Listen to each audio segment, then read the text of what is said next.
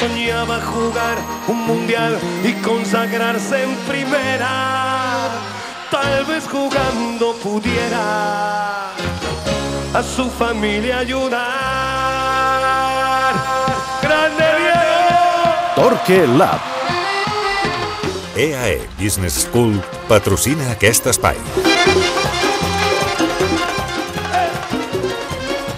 Fetes les consideracions generals d'aquest Barça 0, Cádiz 1, a servidor de vostès el va encrespar la decisió de Xavi en el tram final de partit, que no va ser un altre que muntaga davantes, fins a 5. Luc de Jong, Aubameyang a la punta, Dembélé a l'esquerra, Adam a la dreta i Ferran Torres com a eh, suposat mitja punta per acabar el partit. Ricard Torquemada, bona tarda. Bona tarda. Bé, s'entén que és una mesura desesperada, però mm. no sé si estaràs d'acord que muntagar davanters no li funcionava a Koeman i no li acaba de funcionar a Xavi.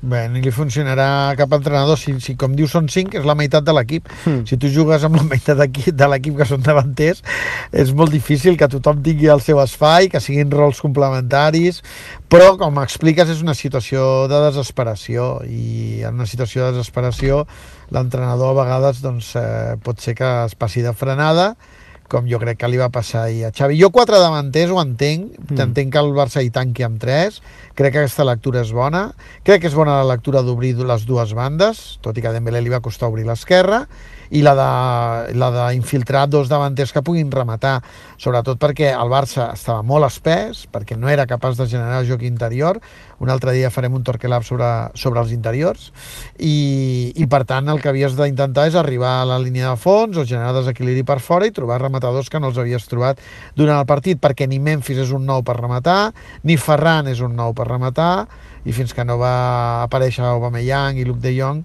doncs això va costar. El cinquè davanter potser ja va ser excessiu, eh, perquè Ferran no havia estat afortunat i tot i que pots pensar que pot jugar a la mitja punta, jugar, una, jugar a la mitja punta amb dos davanters per referència i dos extrems, no hi ha tants, tants espais. Clar. Eh, I el que fas és acumular jugadors justament a l'espai que has d'envair.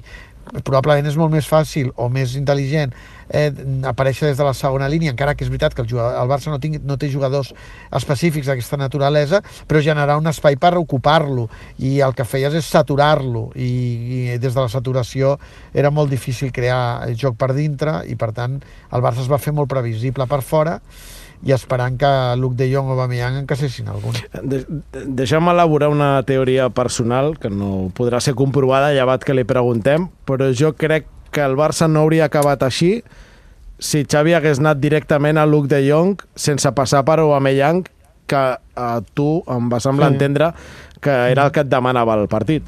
Sí, jo, jo la, la solució dels dos extrems i, i Luke de Jong crec que és una solució que el Barça, en partits encallats, eh, ara mateix és una, bona, mm. és una bona opció. Sempre que els dos extrems obrin el camp i els dos extrems arribin a línia de fons i els interiors aprofitin eh, els espais per dintre. Eh, el que passa és que també crec, Jordi, que va pagar un, un excés de rang eh, o de categorització als davanters. Eh, Clar, no, perquè sensació... el primer que toca sortir, si no surt d'inici, és Aubameyang. Però ara. potser el partit no demanava això.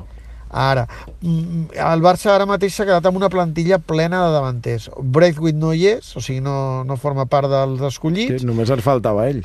I després hi ha eh, de, de Dembélé, Dembélé eh, Aubameyang, Ferran, eh, Memphis i Luke de Jong. Com que ahir Memphis va ser titular i, no, i el titular és Aubameyang, el primer canvi és Aubameyang, és a dir, crec que ho té molt categoritzat. Luke de Jong és emergència i la dama és o per Dembélé o en una situació de, de, de dos extrems.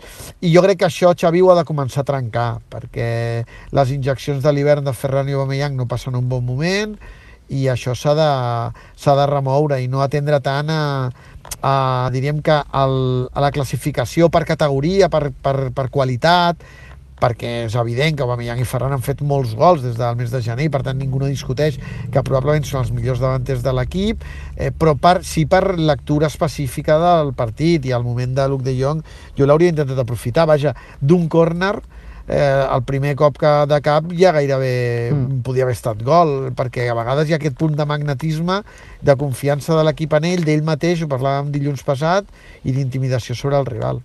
Deies que la solució dels extrems sobre el paper t'agrada, Mm. I és cert que sobre el paper la teoria diu que tindràs més un contra un, que tindràs més desequilibri mm. per les bandes, sobretot si s'enganxen, cosa que ahir Dembélé eh, no va fer, sí. però jo no tinc la sensació que cap dels dies que Adama ha entrat per, per fer aquesta, aquest recurs, Adama per la mm. dreta, Dembélé per l'esquerra, hagi acabat de funcionar. Mm. És a dir, em sembla que per l'equip acabes perdent, perdent el potencial de Dembélé perquè a l'esquerra no es troba tan còmode i que Adama per la dreta, l'equip continua jugant per la dreta, però que Adama no és el mateix que Dembélé. Sí, si no m'equivoco va funcionar a Cornellà al Prat, centrada Dama des de la dreta amb Dembélé obert a l'esquerra i, I rematada el Luc de Jong. I el dia de l'Atlètic Club el que entra és Dembélé. Estava jugant a Dama entre Dembélé i... Bé, no, el Barça anava guanyant, però, però sí, és el que però desencadena... Però amb dos extrems, jo crec que amb dos extrems eh, és Cornellà al Prat i és la centrada, que és una centrada a més diagonal, no és ben bé una centrada des de la línia de fons. Eh, aviam, eh, Adaman ha, eh, ha caigut una mica en el seu rendiment i, i una, Dembélé ara està una en un mica molt. Sí, el que passa és que jo crec que Dembélé, que és un jugador únic al món, perquè té els dos perfils, mm eh, home, has de poder, poder jugar les dues bandes i, i generar el desequilibri. Si ell tenés atacar per l'esquerra que per la dreta, no, amb l'esquerra que amb la dreta. Fins i tot et diria més per protagonisme, és a dir, si només tens Dembélé al camp, l'equip busca mm. Dembélé a totes mm. les jugades. Quan tens Adama i Dembélé, es reparteix. Home, I doncs aleshores, millor, perquè la sí, defensa sí, ha d'estar més atenta, sí, però, no? però quan el protagonisme és de dama, per qualitat la, la, el teu no, atac. No, però el protagonisme per és mi, de eh? dama perquè Dembélé no està obert a l'esquerra i aleshores, si tu tens a Alba o a Serginho Des, quina banda ha de, ha de tenir més, més pes? La banda esquerra. Si el problema és que Dembélé... Sí, però ahir, per que... exemple, no el va tenir. Home, clar, però és que Dembélé va ocupar totes les zones interiors des que va aparèixer a l'esquerra.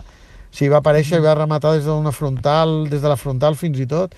Sigui, el Dembélé la, la segona part no va jugar obert a l'esquerra. Jo, aquesta és una... I, I no és un problema potser de Dembélé, sinó també de correcció de l'entrenador. Si obres amb dos extrems, obre amb dos extrems, perquè Alba està acostumat a jugar per dintre. Eh, has d'obrir amb els dos extrems, perquè si no, com dius tu, aquesta situació de Dembélé genera que el Barça només trobi amplitud a la dreta, que és la carta perdedora el que has de tenir és Dembélé obert a l'esquerra, que és la carta guanyadora, per poder donar amplitud, perquè si no, si estàs acumulant Ferran per dintre, els dos davanters per dintre, Dembélé per dintre, on obrirà Busquets o a l'altre migcampista que hi ha la pilota, a la dreta, que és on, on, és, on té aire. I quina és la carta de la dreta? La carta que no és guanyadora.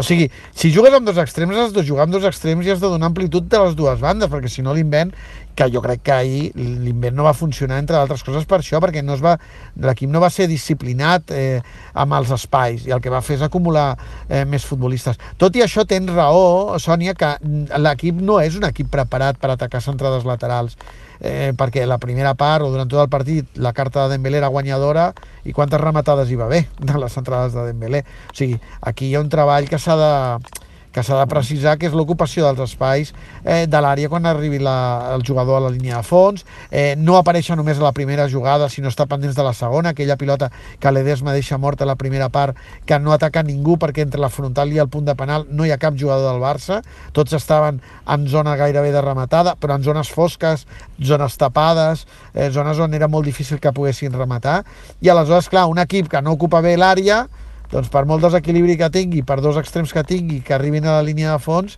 després no és, eh, és difícil eh, poder, poder fer-ho productiu. Jo crec que el Barça té un problema que no és el primer dia en això, que no és capaç de, de fer productiva una superioritat com la de Dembélé. Em va molt bé que, que parlis de, de l'ocupació dels espais a l'àrea perquè tinc la sensació que l'equip abusa de la centrada a l'engròs. És a dir, eh, molt a favor de, de les entrades, però moltes vegades són centrades que no tenen una destinació clara. No sé si, mm. si és qüestió de precipitació, és falta d'altres recursos, en, en el sí. cas d'ahir era molt evident que sí. l'únic recurs era, era Dembélé, no, no sé quin... Jo crec que tot això que dius eh, són, són factors eh, el Barça juga precipitat, accelerat, quan jugues precipitat i accelerat vols fer arribar la, la pilota el més aviat possible. Jo crec que l'equip és conscient també de les seves limitacions, es veu impotent per dintre, que aquest, per això dic que el tema dels interiors és interessant. O sigui, només recordo l'acció la, de Frankfurt de, eh, per passadissos interiors, aquella jugada entre De Jong i Ferran, molt ràpida al primer toc.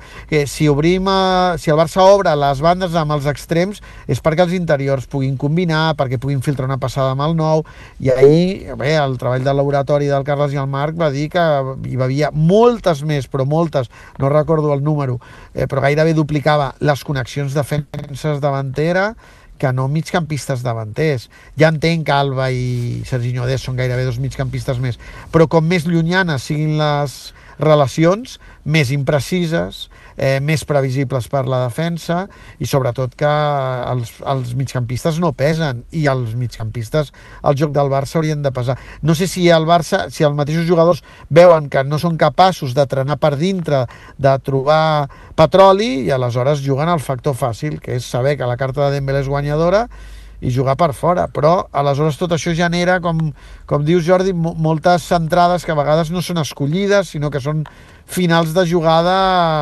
productes de la, de la inèrcia. I a tot això, encara que Alba ha descobert aquest, sí. aquesta centrada diagonal, però que també és una centrada que ara ja és el pla, que és el mm. manual i que els defenses esperen. I, per tant, hem de començar a trobar altres recursos.